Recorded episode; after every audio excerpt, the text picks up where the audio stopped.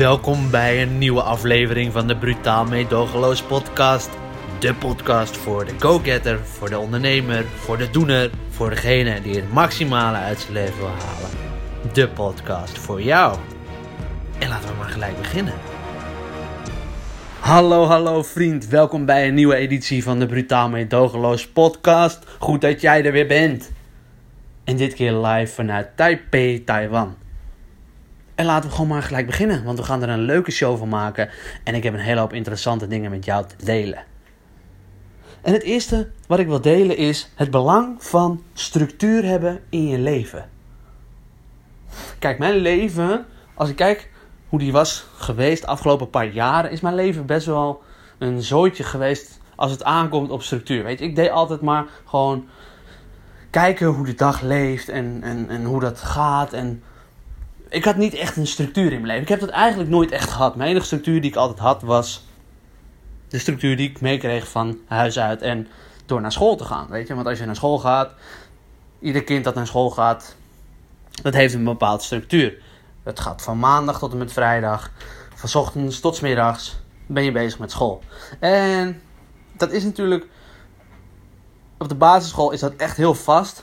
Maar ja, ga je naar de middelbare school, hoef ik jou niet uit te leggen, dan wordt het een beetje onregelmatiger. Je krijgt andere lesroosters, uh, je krijgt huiswerk mee in één keer. Dat huiswerk wordt of heel veel of heel weinig. Dus de ene week ben je heel veel uren kwijt aan je school en de andere week juist niet. Ja, dat hoef ik je allemaal niet uit te leggen, weet je. Maar het wordt dus in, in, principe is dat dus steeds onregelmatiger naarmate je ouder wordt. En nou, ga je studeren ik bedoel, ik heb gestudeerd, uh, dus ik weet een beetje hoe het is. Ik heb het alleen nooit afgemaakt.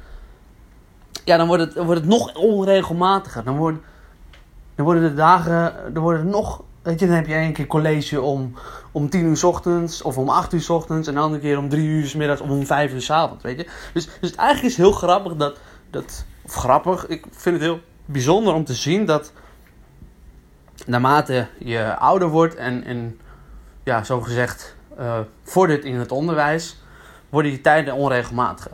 Nou, ik geloof heel erg sterk dat deze tijden, hè, het, het maandag tot met vrijdag, dat het zo is gedaan om ons erop te programmeren, vanaf kinds af aan, dat het normaal is om vijf dagen in de week te werken. Hè, school is in mijn beleving niet meer dan dat. School is mijn beleving gewoon een hele indoctrinatie van hoe het in onze maatschappij moet en niet zozeer hoe het is. En wat bedoel ik daar nou mee? Ik geloof dat wat wij op school leren, of wat, wat, wat wij hebben geleerd op school, dat dat niet is wat de werkelijkheid is van de wereld dat dat slechts een, een, een kleine selectie is van hoe de wereld er is. Weet je, heel veel, heel veel dingen in de geschiedenis weten we gewoon niet.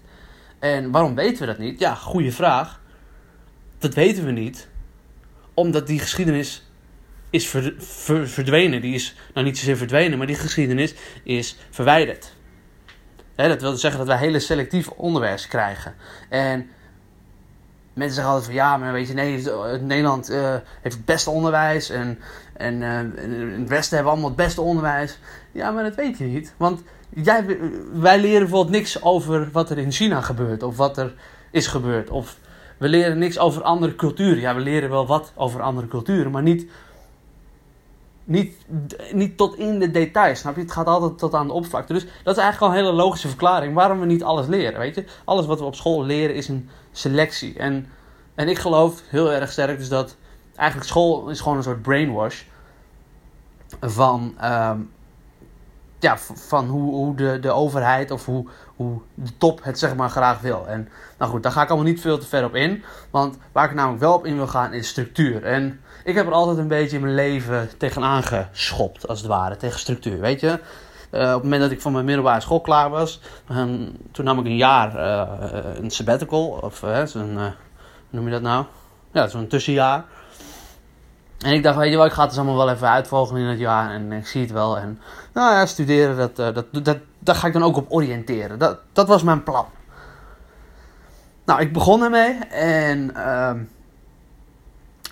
eerste maanden nou ja, ik was natuurlijk super blij. Want ik was geslaagd en ik had alle vrijheid. Ik kon doen wat ik wilde. Ik, woonde nog thuis, dus ik hoefde ook niet te werken. Uh, en ik had genoeg gespaard van mijn, uh, van mijn bijbaantje. Dus weet je, ik had helemaal geen zorgen. Het was als, als het ware een soort pensioen voor mij. Een vervroegd, een heel vroeg pensioen. En ik kon gewoon alles doen wat ik wilde. Ik kon lekker de hele dag gamen. Ik kon een beetje mijn pik trekken de hele dag. Ik kon uitgaan als ik wilde. En ik deed dat ook, weet je. Ik ging gewoon al die, die dingen doen. En ik ging gewoon een lol maken, met mijn vrienden afspreken. Ik had dan ook nog een, uh, ik had dan ook een vriendin. Dus ja, die, die, kon ik ook regelmatig zien. Maar op een gegeven moment had ik zoiets van, weet je, het begon toch wel weer te vervelen. Want als je elke dag kan gamen en als je elke dag tot twee uur kan uitslapen, dat gaat op een gegeven moment een beetje vervelen. En dat ging bij mij ook vervelen. Dus toen besloot ik maar, weet je, het is tijd om even een baantje te zoeken geld begon ook een beetje op te raken. Dus ik had zoiets van, nou weet je, ik ga lekker bij supermarkt solliciteren. Dit overigens, eh, dit stukje heb ik ook al gedeeld in de eerste podcast. Waar ik een verhaal over mezelf vertel. Maar dan vanuit de hoek, of vanuit, vanuit het perspectief van een persoonlijke ontwikkeling. Maar waar ik het nu over wil hebben is dus de structuur. En ik had dus helemaal geen structuur in mijn leven. En ja, als, als, als jonge gast, ik ben nog steeds jong, maar toen net van de middelbare school. Ja, dan heb je daar niet zo'n last van. En, en, en ja, het is, het is allemaal lol en, en, en denk je niet aan de toekomst. Tenminste, ik dacht op dat moment zeker niet aan mijn toekomst. Ik was er wel mee bezig natuurlijk, hè, want ik wilde wel studeren en ik wilde wel verder gaan. Maar ik was nog helemaal niet bezig om daar echt daadwerkelijk stappen in te gaan maken. En dan bedoel ik mee uh, mijn leven op orde stellen. En, en dat, dat begreep ik ook niet helemaal. Weet je, ik had ik had gewoon geen structuur nodig. Ik had er ook geen behoefte aan. Ik vond het wel lekker om uit te slapen. Nou, ik begon toen uh, dus te werken. Nou, dan kreeg ik iets meer structuur in mijn leven. Maar ik zei altijd al tegen mezelf van, weet je, ik, heb, ik hou niet zo van, van, van het standaard, van hetzelfde. Want waar ik namelijk een ontzettende pleuris hekel aan had toen ik op school zat, dat waren A, de vroege uren en B, de lange dagen. Dus ja, als het mij vroeg begon en laat eindigde, ja, dan, dan, dan was ik er gewoon niet. Dan, dan kon je niet op mij rekenen, weet je. Ik bedoel, s ochtends ik, had ik dan wel een enige concentratievermogen. Maar ja, dat begon om, om, om één uur of na de lunch begon het eigenlijk altijd al in te kakken. Dus ik had, ik had een enorme hekel aan. En zeker als ik ook echt vroeg moest opstaan. Ik had gewoon hekel aan, aan die structuur. En ik kon ook s ochtends niet mijn bed uitkomen. En ik weet zeker dat er meerdere van ons zijn. En misschien heb jij het ook wel. Maar ik had er dus een hekel aan die structuur. En daarom koos ik ook bij de supermarkt waar ik ging werken, koos ik ook voor een flexibel rooster. Want ik vond het gewoon fijn. Nou weet je, de ene keer werk ik lekker op dinsdagmiddag en de andere keer werk ik op donderdagochtend. En die week erop werk ik op, op maandagavond en dan uh, op woensdagochtend. Weet je, het maakte me allemaal niet uit. Ik vond het leuk om, om een beetje die afwisseling te hebben. Maar ik vond het ook wel leuk, merkte ik om ook wel, toch ook wel, om een aantal vaste dagen te hebben. Want Weet ik merkte op een gegeven moment ook dat ik gewoon werd ingeroosterd op, op momenten. Uh, in het weekend bijvoorbeeld, weet je, als ik dan met vrienden wat leuks wilde doen. Ja, nee, uh, hè, dat was tijd voor mijn vrienden en voor mijn vriendin. Dus ik merkte ook wel dat ik toen wat meer behoefte al had aan structuur. Nou, uh, jaren verder, jaren verder. En dan gaan we echt een stukje verder naar, naar nou eigenlijk naar nu. Als ik nu kijk, weet je, in mijn leven, als ik kijk ook dan gaan we toch nog even terug, twee jaar geleden. Toen was ik bezig, uh, was ik bezig met een blog. Ook een, eh, een blog. En ik, ik was toen heel erg gestructureerd bezig. En dat had ik nodig om, om ook daadwerkelijk het werk te kunnen doen. Om het werk wat ik deed voor het bloggen te doen. dat wilde zeggen dat ik artikelen ging schrijven. Dat ik uh, aan mijn boek ging werken, waar, wat ik heb gepubliceerd. En daar had ik ook echt heel erg structuur nodig en een planning. En toen merkte ik eigenlijk pas hoe belangrijk het is voor mij. En spreek ik eigenlijk ook namens de mens. Hoe, hoe belangrijk het voor een mens is om structuur te hebben. En mensen die zeiden dat altijd tegen mij. Andere mensen zeiden altijd van ja, maar je moet een beetje structuur in je leven. Weet je, je moet een beetje structuur. Ik zei, geen structuur. Nee, dat wilde ik niet. Dus het grappige was dat ik het toen eigenlijk door eigen ervaring en omdat ik ook zeer gemotiveerd was op dat moment om, om mijn blog tot een succes te maken en om mijn boek te publiceren, was ik dus heel erg gedreven om structuur ook in mijn leven toe te passen.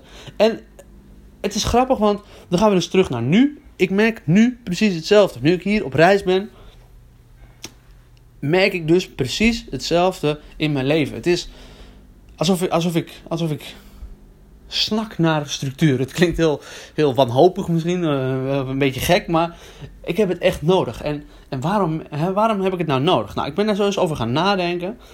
En ik kwam tot de conclusie dat het voor ons allemaal geldt. Weet je, het geldt niet alleen voor mij. Structuur is niet alleen goed voor mij. Kijk, ik geloof dat er zijn mensen die kunnen echt leven zonder structuur. Of nou, misschien in bepaalde verschillende levensfasen kan je leven op verschillende. Uh, sorry, uh, in bepaalde levensfasen kan je leven op andere soorten structuur. En geen structuur is ook een structuur, hè? laten we daar even over eens zijn. Geen structuur is ook structuur. Dus ik ben erachter gekomen dat structuur heel belangrijk is. En waarom is het dan zo belangrijk? Het is belangrijk omdat het namelijk houvast geeft. Structuur geeft houvast. Weet je, als je, als je structuur hebt in je leven, dan heb je dus vaste tijden in de week, op de dag, dat je bepaalde dingen doet. En komen er zo op, op terug dat het, uh, het 9 tot 5 en dat het super saai is, want dat vind ik namelijk ook nog steeds. Maar, en hoe je daar tegen kan gaan. Maar dat is de structuur. Het biedt je een bepaalde houvast voor de week eigenlijk, of voor je planning. En houvast creëert weer rust. Nou, als je weet van oké, op woensdagavond heb ik uh, sporten, elke woensdagavond heb ik sporten, dan weet je, oké, als je wat wil afspreken met vrienden, dan moet je dus niet op woensdagavond doen. Als je wat leuks gaat doen, ga je dus niet op woensdagavond doen. Als je vriendin wat met je wil afspreken, niet op woensdagavond hoor, jij het sporten. Zo simpel is het. Nou, en, en zo geldt het ook met, met werken. Eh, en, en, en heel veel van ons die, die werken gewoon 9 tot 5. En daar is niks mis mee. Um, het enige wat daarmee mis is, vind ik, is dat het voorgeprogrammeerd is. Dus dat, dat eigenlijk word je, word je een beetje in, die, in, in dat hokje geduwd, als het ware. Weet je, het is, ja, toch? Het is dat of, of niet, zeg maar. Of je kiest het zelf. als je ondernemer wordt, dan moet je zelf je eigen tijden bepalen. Maar heb je ook structuur voor nodig. En dat is dus het punt. Want hier lopen heel veel ondernemers tegenaan, of beginnende ondernemers, is dat ze geen structuur in hun leven hebben. En daar ben ik ook zeker in het begin tegenaan gelopen. Dat je geen structuur in je leven hebt. En als ondernemer, de meeste ondernemers gaan ondernemen vanwege de vrijheid die ze hebben. En dat is logisch. Want als je gaat ondernemen, dan mag je je, eigen tijden bepalen. Uh, je bepaalt ook je eigen salaris. Je bepaalt hoe hard of hoe langzaam je werkt. En alles bepaal je zelf. Als ondernemer. En dat biedt heel veel vrijheid. En dat, dat is ook wat, wat ik geloof dat, waar mensen altijd naar op zoek zijn. Is die vrijheid. Er zijn weinig ondernemers die ik ken. Die het niet doen om de vrijheid. Die doen het alleen eigenlijk om die voordelen. Maar heel veel ondernemers van ons zijn ook gewoon slaven. In de zin van, ze werken gewoon een 9 tot 5 baan en ze krijgen gewoon per uur betaald. En daar, en daar komt, het, komt, het, uh, het, komt het grote verschil in. Dat uh, als we het hebben over structuur en vrijheid voor het ondernemen. Dat dus vrijheid ook verantwoordelijkheid met zich meebrengt. Want als jij namelijk de vrijheid hebt om wel of niet te gaan werken op een bepaalde dag, dan kiezen de meeste mensen dus, als hun doelen niet sterk genoeg zijn, om het niet te doen. En, en dat zeg ik de meeste mensen, omdat ik daar, daar zelf ook me eraan schuldig heb gemaakt. Dat te veel vrijheid zorgt dus voor te weinig regels eigenlijk voor jezelf. En, en daar komt structuur dus heel erg in terug. En dat is dat waarom heel veel mensen het ondernemen niet aankunnen, in mijn beleving. Omdat ze die vrijheid niet kunnen handelen. Ze kunnen, ze kunnen niet met die vrijheid omgaan. Want wat ze namelijk doen, dan gaan ze in plaats van echt gaan ondernemen in, eh, aan hun bedrijf te werken of, of aan hun doelen te werken. En neem als voorbeeld, dat is misschien niet een heel goed voorbeeld, maar en dan bedoel ik niet voor ondernemers goed voorbeeld, maar neem gewoon het voorbeeld als je een boek wil schrijven. Weet je, wat moet je doen als je een boek gaat schrijven? Als je een boek gaat schrijven, is het enige wat je moet doen, is gewoon op je reet zitten, voor je tekst bewerken en schrijven. Dat is het enige wat je moet doen. Als je schrijver wilt worden, als je boeken wilt schrijven, dan moet je dat doen. Dan moet je gewoon die uren, die moet je er gewoon insteken. En ik heb hier trouwens overigens een fantastisch artikel over geschreven. Dat kan je op brutaalmeedogeloos.nl vinden. Gaat hierover, over het, het aantal uren dat je erin moet steken en waarom dat zo belangrijk is. En hoe dat het beste voordeel is ten opzichte van de competitie. Want je moet gewoon het werk doen. En gewoon het werk doen heeft niets anders dan met structuur in je leven aanbrengen te maken. Je moet gewoon structuur aanbrengen in je leven. Want stel, je schrijft een boek van 120.000 woorden. Dat is een redelijk dun boekje. Normaal. Dun, dun tot normaal. Hoeveel woorden ga je per dag schrijven? Hoeveel woorden kan een mens maximaal per dag schrijven? Uit ervaring weet ik dat je ongeveer tussen de 500 en de 3000 woorden per dag kan schrijven. En als je in de 500 zit, dan zit je aan de korte kant. En als je aan de 3000 zit, zit je aan de, aan de grote kant, zeg maar. Maar 3000 woorden is een uitzondering. Want hoe meer je schrijft om de dag, hoe leger je je gaat voelen. Dus laat het zeggen dat het gemiddelde rond de 800 en 1000 zit. Dat is het gemiddelde per dag. Laten we even voor het gemak voor de rekensom 1000 nemen. Als je een boek van 120.000 woorden wil schrijven, dan moet je dus 120 dagen lang moet je schrijven. En hou daar dan rekening mee met dat je de ene dag misschien 500 woorden schrijft en de andere dag 2000. En de ene dag misschien 200. Hou daar rekening mee. Plus, als je een boek schrijft, dan ga je altijd meer schrijven dan je wil. Dus misschien schrijf je 180.000 woorden en moet je een derde, dus 60.000, moet je ervan schrappen. Weet je, hou daar rekening mee. Dus in totaal, als je een boek wil schrijven, dan moet je dus gewoon 120 dagen, dat zeggen 180 dagen, moet je schrijven. En dan heb je alleen nog een concept. 180 dagen. Nou, in hoeveel uur, hoeveel uur doe je daarover? Nou, laten we zeggen over, elke dag over 1000 woorden doe je 2 uur. Dat is wat aan de ruime kant, maar eh, je moet ook je, je brein inspiratie geven om te schrijven. Je moet ook nadenken over dingen als je schrijft.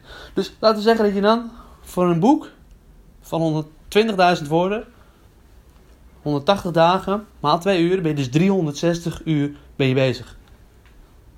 En dat moet je dus structureren.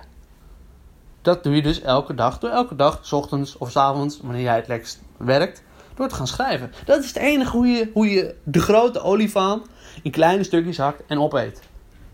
Dat is de enige manier. En ik zei net al, het is belangrijk omdat je je namelijk rust geeft.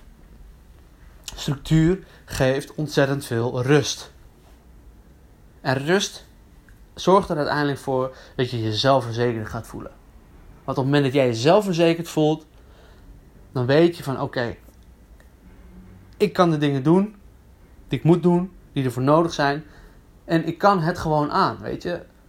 Als je denkt eraan om in één keer dat hele boek te schrijven, dan, dan ga je het niet redden. Dan, dan, dan zie je alleen dat hele boek voor je en dan denk je, ja maar hoe moet ik dat ooit doen? Hoe moet ik ooit die 360 uur in één dag stoppen? Dat kan niet. Nee, tuurlijk kan het niet. Niemand schrijft een boek in één dag. Een boek schrijf je over een lange periode. En zo werkt het met alles. Met alles waar je succesvol in wilt zijn, heb je tijd nodig die je erin moet steken.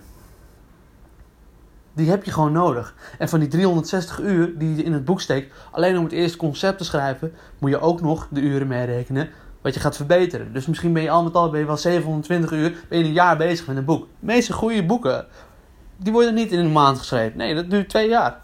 Goede boeken worden, duurt jaren voordat die worden geschreven en gepubliceerd. Dat duurt jaren. Goede boeken. Het volgende onderwerp wat ik wil bespreken met jullie is een totaal ander onderwerp. Het onderwerp dat gaat over geld. En waarom een onderwerp over geld? Geld is namelijk ontzettend belangrijk. Geld is wat we nodig hebben in de wereld om onderdak te kunnen betalen, om ons eten te kunnen betalen, om gewoon om te kunnen leven. als we geld niet zouden hebben, dan zouden we niet zelf iets kunnen maken laten we zeggen dat je pottenbakker bent. je zou zelf dan niet de potten kunnen maken, die kunnen verkopen en die kunnen ruilen voor eten. zonder geld zouden wij onszelf nooit kunnen specialiseren in een bepaalde, nou, een bepaalde kunst of een bepaalde ja, uh, vakmanschap. Dat geloof ik, omdat namelijk als we ons niet konden specialiseren in ons vakmanschap, dan konden we het ook niet verkopen. Konden we daar geen geld voor krijgen en dan konden we dat geld niet gebruiken om andere dingen te kopen. En dan zouden wij als mens, zouden wij nog steeds bezig zijn met ons eigen moestuintje.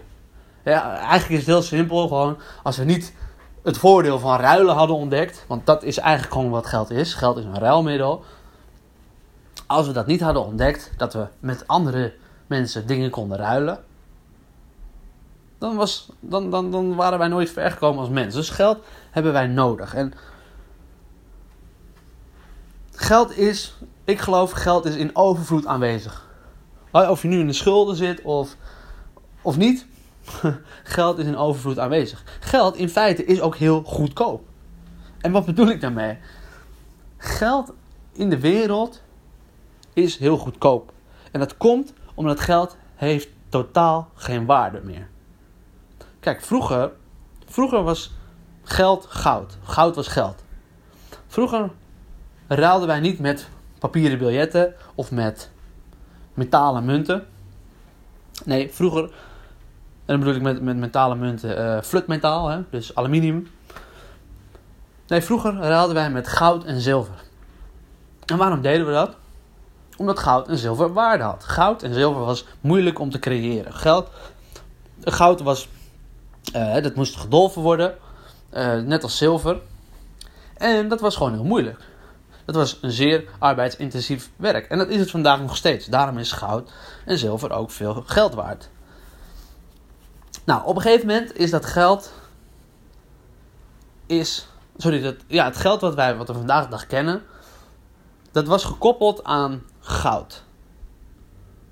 Dat wilde zeggen dat als jij 10 euro had, of laten we dan even zeggen 10 gulden in die tijd, kon je naar de bank gaan en dan kon je zeggen van oké, bank, luister, ik heb hier 10 gulden en ik wil daarvoor mijn goud hebben.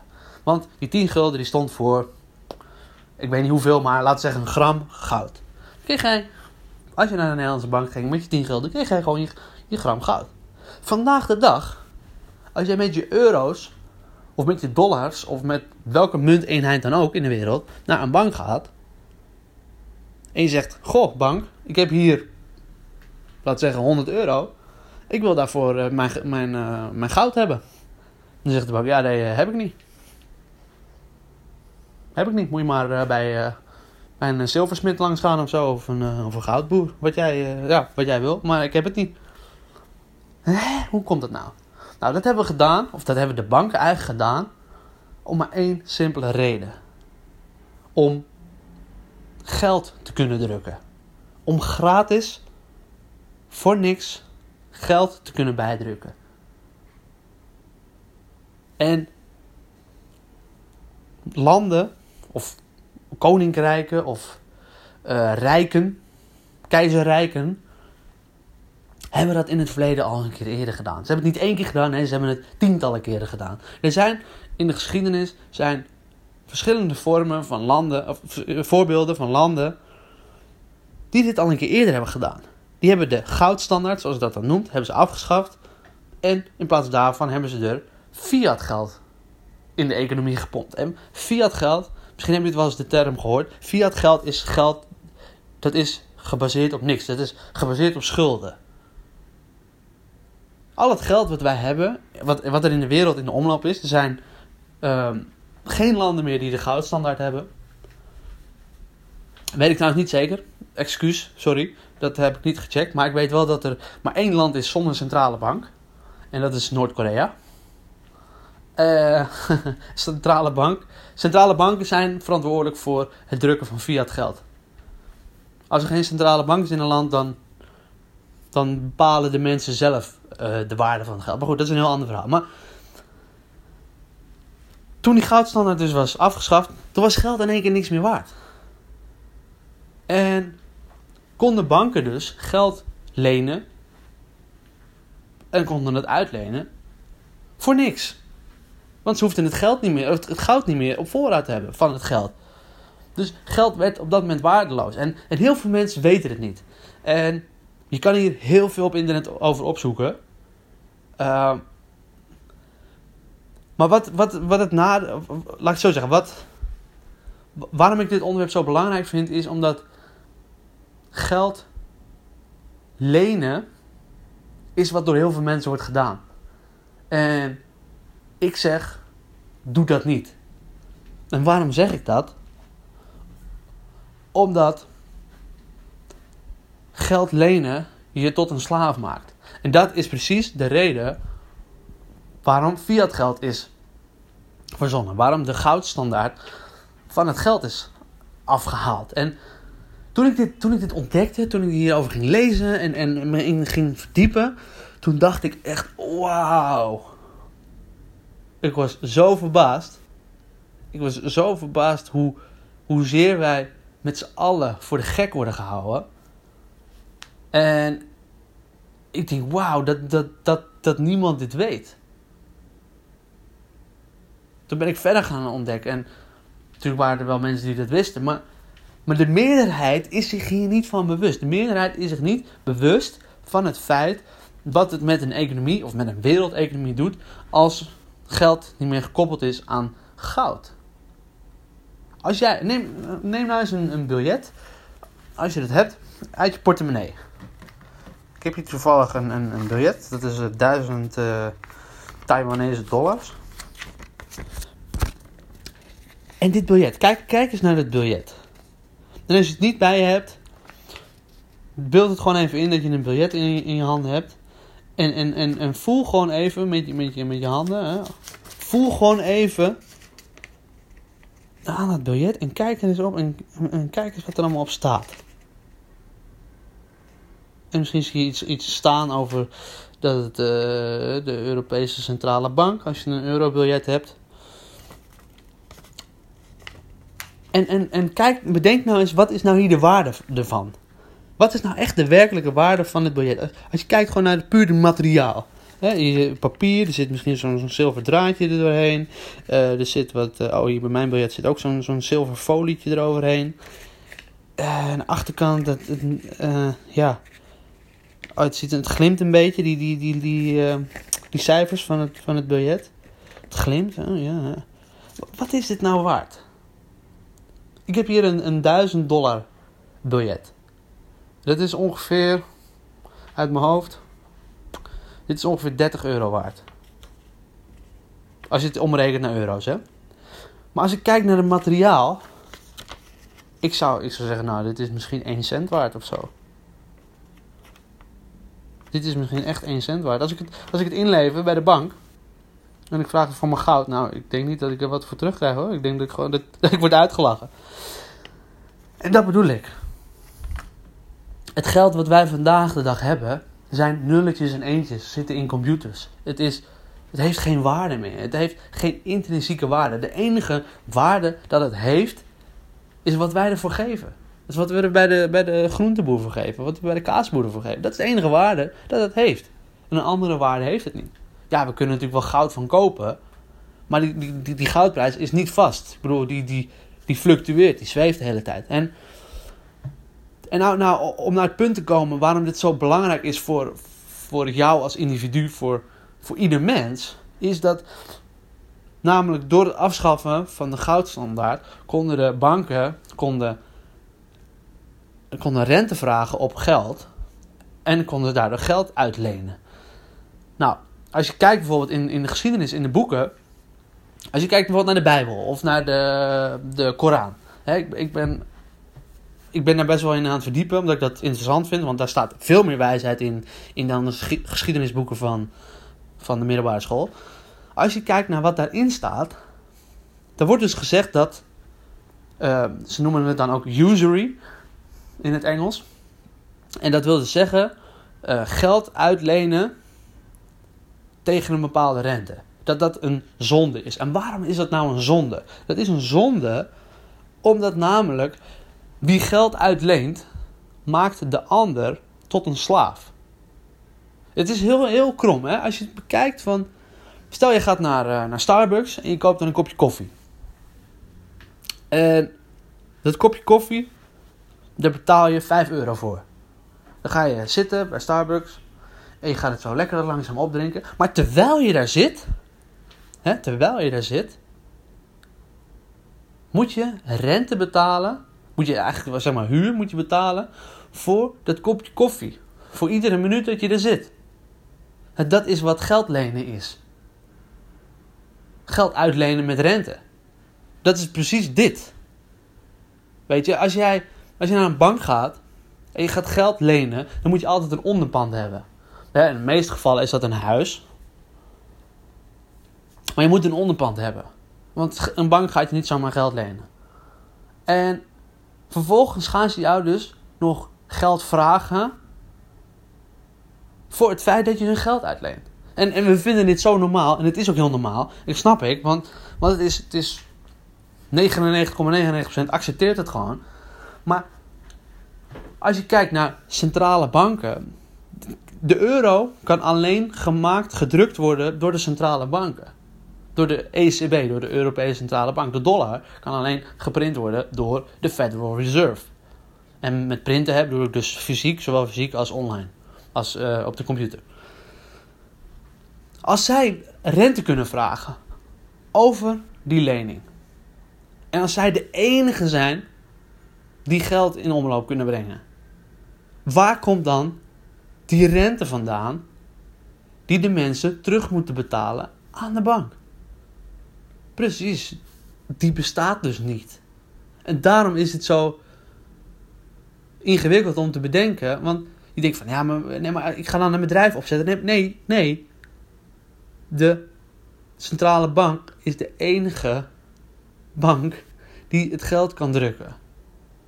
Ja, maar als, het, als we geen centrale bank hebben, dan is het één grote puinhoop. Nee, er zijn, er zijn geschiedenis, er zijn landen, honderden landen, die het hebben gedaan zonder centrale bank en die deden het prima. De echte vrije economie, zoals we die vandaag de dag kennen, is helemaal niet vrij. Nee, want we zijn allemaal een slaaf van de, centrale banken. De, de schulden van de overheden, overheden, overheden, pardon, hoe zeg dat dan? Kom niet eens aan man. De schuld van de overheden, die neemt al jaren toe. Als je kijkt naar de schuld, schuld van Amerika, van de Verenigde Staten van Amerika, die is torenhoog. Die is op zijn all-time high. Die is op recordhoogte. Maar die schuld kan nooit terug worden betaald. Dus dat betekent dat een kind die in Amerika wordt geboren, die wordt nu al met een schuld geboren. Dit kind heeft niet eens een kans. Het wordt al met een schuld geboren. Wie gaat dat terugbetalen? Ja, ik niet. En ik denk de rest van de burgers ook niet. Dus, maar dat is het hele punt niet. De punt is, het, het hoeft ook nooit terugbetaald te worden. Want zolang ze namelijk geld kunnen uitlenen tegen een, noem het maar, al is het maar 0,1%. Dat is al voldoende om een, om een economie, een slaven-economie te maken. En, en op het moment, en zo is mijn, mijn, mijn reis begonnen. Ik las uh, Rich Dad, Poor Dad. Uh, rijke pa, arme pa in het Nederlands. Uh, goed boek, overigens. Het is niet het beste boek, maar het is een goed boek. En daarin las ik ook over van ja, het is belangrijk. Of het is, het is niet zelfs belangrijk, nee, het is wel levensbelang. Dat je nooit in de schulden gaat. Ik dacht, hm, waarom dan? Kijk, ik ik vind schulden. Ik, mijn ervaring met schulden is sowieso niet heel prettig. Hè, want ik vind het namelijk nogal vervelend dat ik iemand iets verschuldigd ben. Dat ik iemand iets moet terugbetalen. Er zijn mensen die daar minder moeite mee hebben. Maar goed, dat even terzijde. Uh, ik las dus in het boek van: oké, schulden hebben maakt je tot een slaaf. En dacht ik, ja, dat is ook zo. Weet je? Want als jij namelijk een schuld bij iemand hebt, laten we zeggen 50.000 euro, dan sta jij dus voor 50.000 euro in de schuld bij die ander. En ben je dus aan het werk voor die ander. Weet je, en, toen ik dat las, dacht ik, ja, dat is natuurlijk vet logisch. Weet je, ik bedoel, ja, de.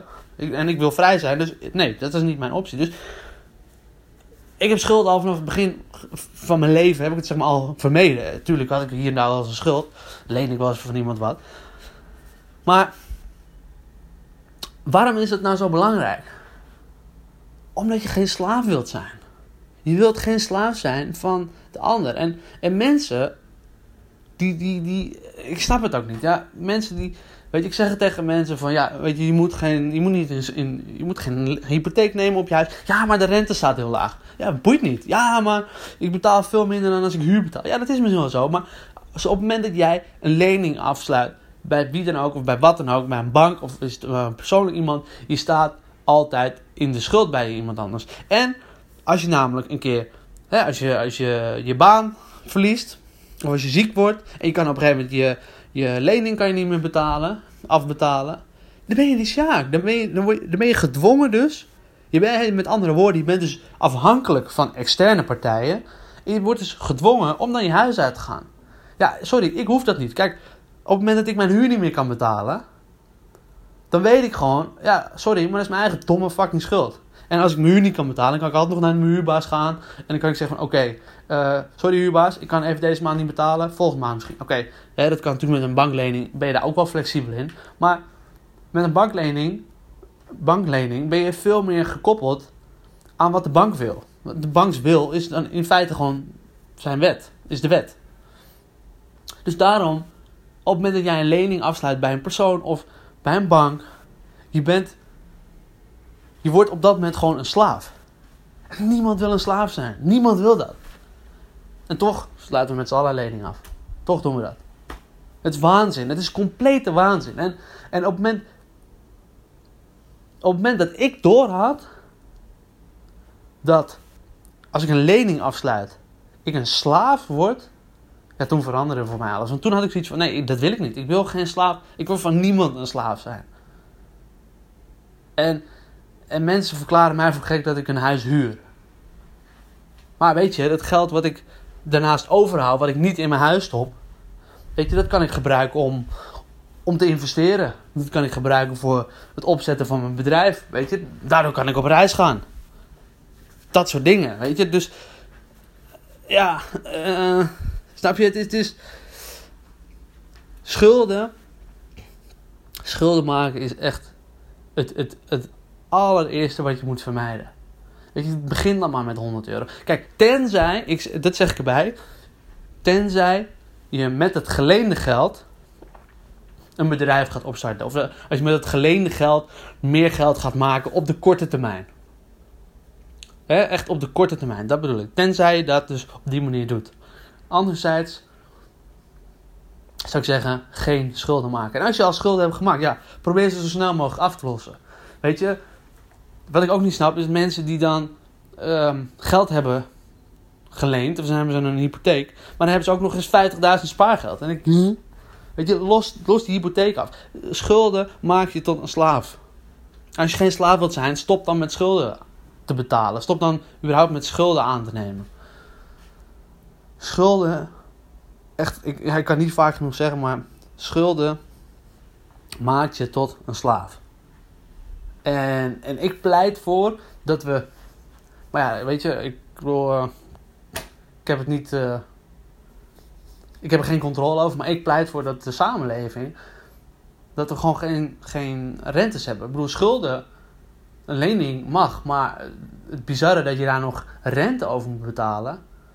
Hè, dat wil zeggen, als jij een, een lening afsluit van, laten we zeggen, 100.000 euro voor 30 jaar dan betaal je dus uiteindelijk in die 30 jaar betaal je misschien 300.000 euro. En dan denk je van ja, oké, ja, maar dan wordt mijn huis ook meer waard. Ja, maar je betaalt wel fucking driedubbele terug. En je moet nog maar afwachten of dat huis meer waard wordt. want voor hetzelfde geld wordt het huis in één keer minder waard. Of kom je in een slechte buurt terecht. Of, of veranderen in één keer de omstandigheden. Je weet het niet. In, in 30 jaar tijd gebeurt er een hoop. Je wordt ziek, je kind wordt, je krijgt een, een misvormd kind. Je moet verhuizen omdat, eh, weet ik veel wat. Omdat je vrouw uh, ergens anders een baan krijgt. Noem maar, weet je, noem maar iets geks. Noem maar iets geks. Er kan van alles gebeuren. En een lening aannemen terwijl je denkt dat alles goed zit, is het slechtste wat je kan doen. Goed, dat was een hoop zeg.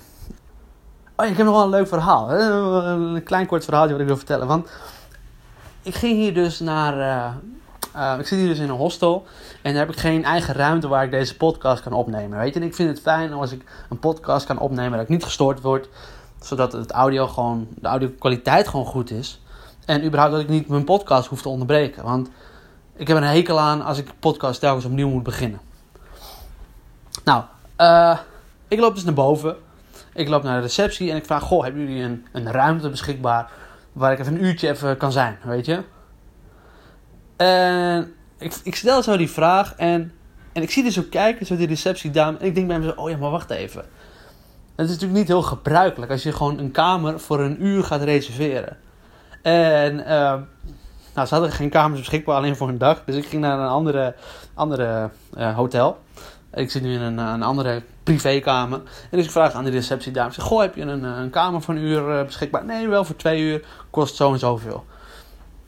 Dus deze podcast die is heel veel geld waard. Want ik heb er een kamer voor betaald. Nou goed, uh, het was een goedkope kamer. podcast is het niet trouwens. maar goed, in elk geval. Dus ik, ik, ik, ik zeg, nou, doe mij die kamer dan maar. En die vrouw die vraagt mij, ja, ben je alleen? Ik denk, ja, hoezo? Uh, maar nou had dus een vriend van mij eens een keer verteld, en misschien, misschien ken je dit wel, maar als mensen overdag in een hotel een kamer gaan huren, dat gebeurt best wel vaak. En dat gebeurt best wel vaak, omdat voornamelijk mannen, die nemen dan een vrouw mee, zeg wel ook wel hoer, nemen ze mee. En dan nemen ze die gewoon even mee voor een paar uurtjes naar een hotelkamer. Dat is gewoon heel gebruikelijk. En toen ik dat zo dacht, dan dacht ik echt van ja, ja wat zal zij nou denken? Ik bedoel, normaal gesproken kom je hier met een vrouw, een, uh, een, een Chinese vrouw dan. Hè? Ik ben een Westerling. Dus het zou voor mij dan een Chinese avontuurtje, een, een uh, nasi speciaal worden. maar, uh, dus ik zie er zo kijken en ik denk van ja, wat zal zij nou denken dat zij nou, wat, wat ik nou ga doen? Weet je, ga ik een, een, privékamer huren om even lekker alleen te gaan wanken hier. nou, het was gewoon even een leuk verhaal wat ik even met je wilde delen. Heeft helemaal geen, uh, geen inhoud of geen conclusie, maar het was gewoon even een leuk verhaal wat ik met je wilde delen. Goed, de volgende podcast gaat niet vanuit Taiwan zijn, maar vanuit het prachtige, zonnige Bali. En uh, voor nu wens ik je gewoon echt een hele goede dag en een hele goede week. Bedankt voor het luisteren. Ga nog even naar de Ga nog even naar iTunes. Laat er even een 5 sterren beoordeling achter voor deze podcastshow. Zodat ook andere mannen die controle over hun leven willen hernemen. En die zichzelf blijven willen ontwikkelen. Zodat die mannen deze podcastshow ook kunnen vinden. Want mannen, de mannen in Nederland hebben het nodig. Daarom sluit ik af. Bedankt voor het luisteren. En tot de volgende keer. Ciao, ciao.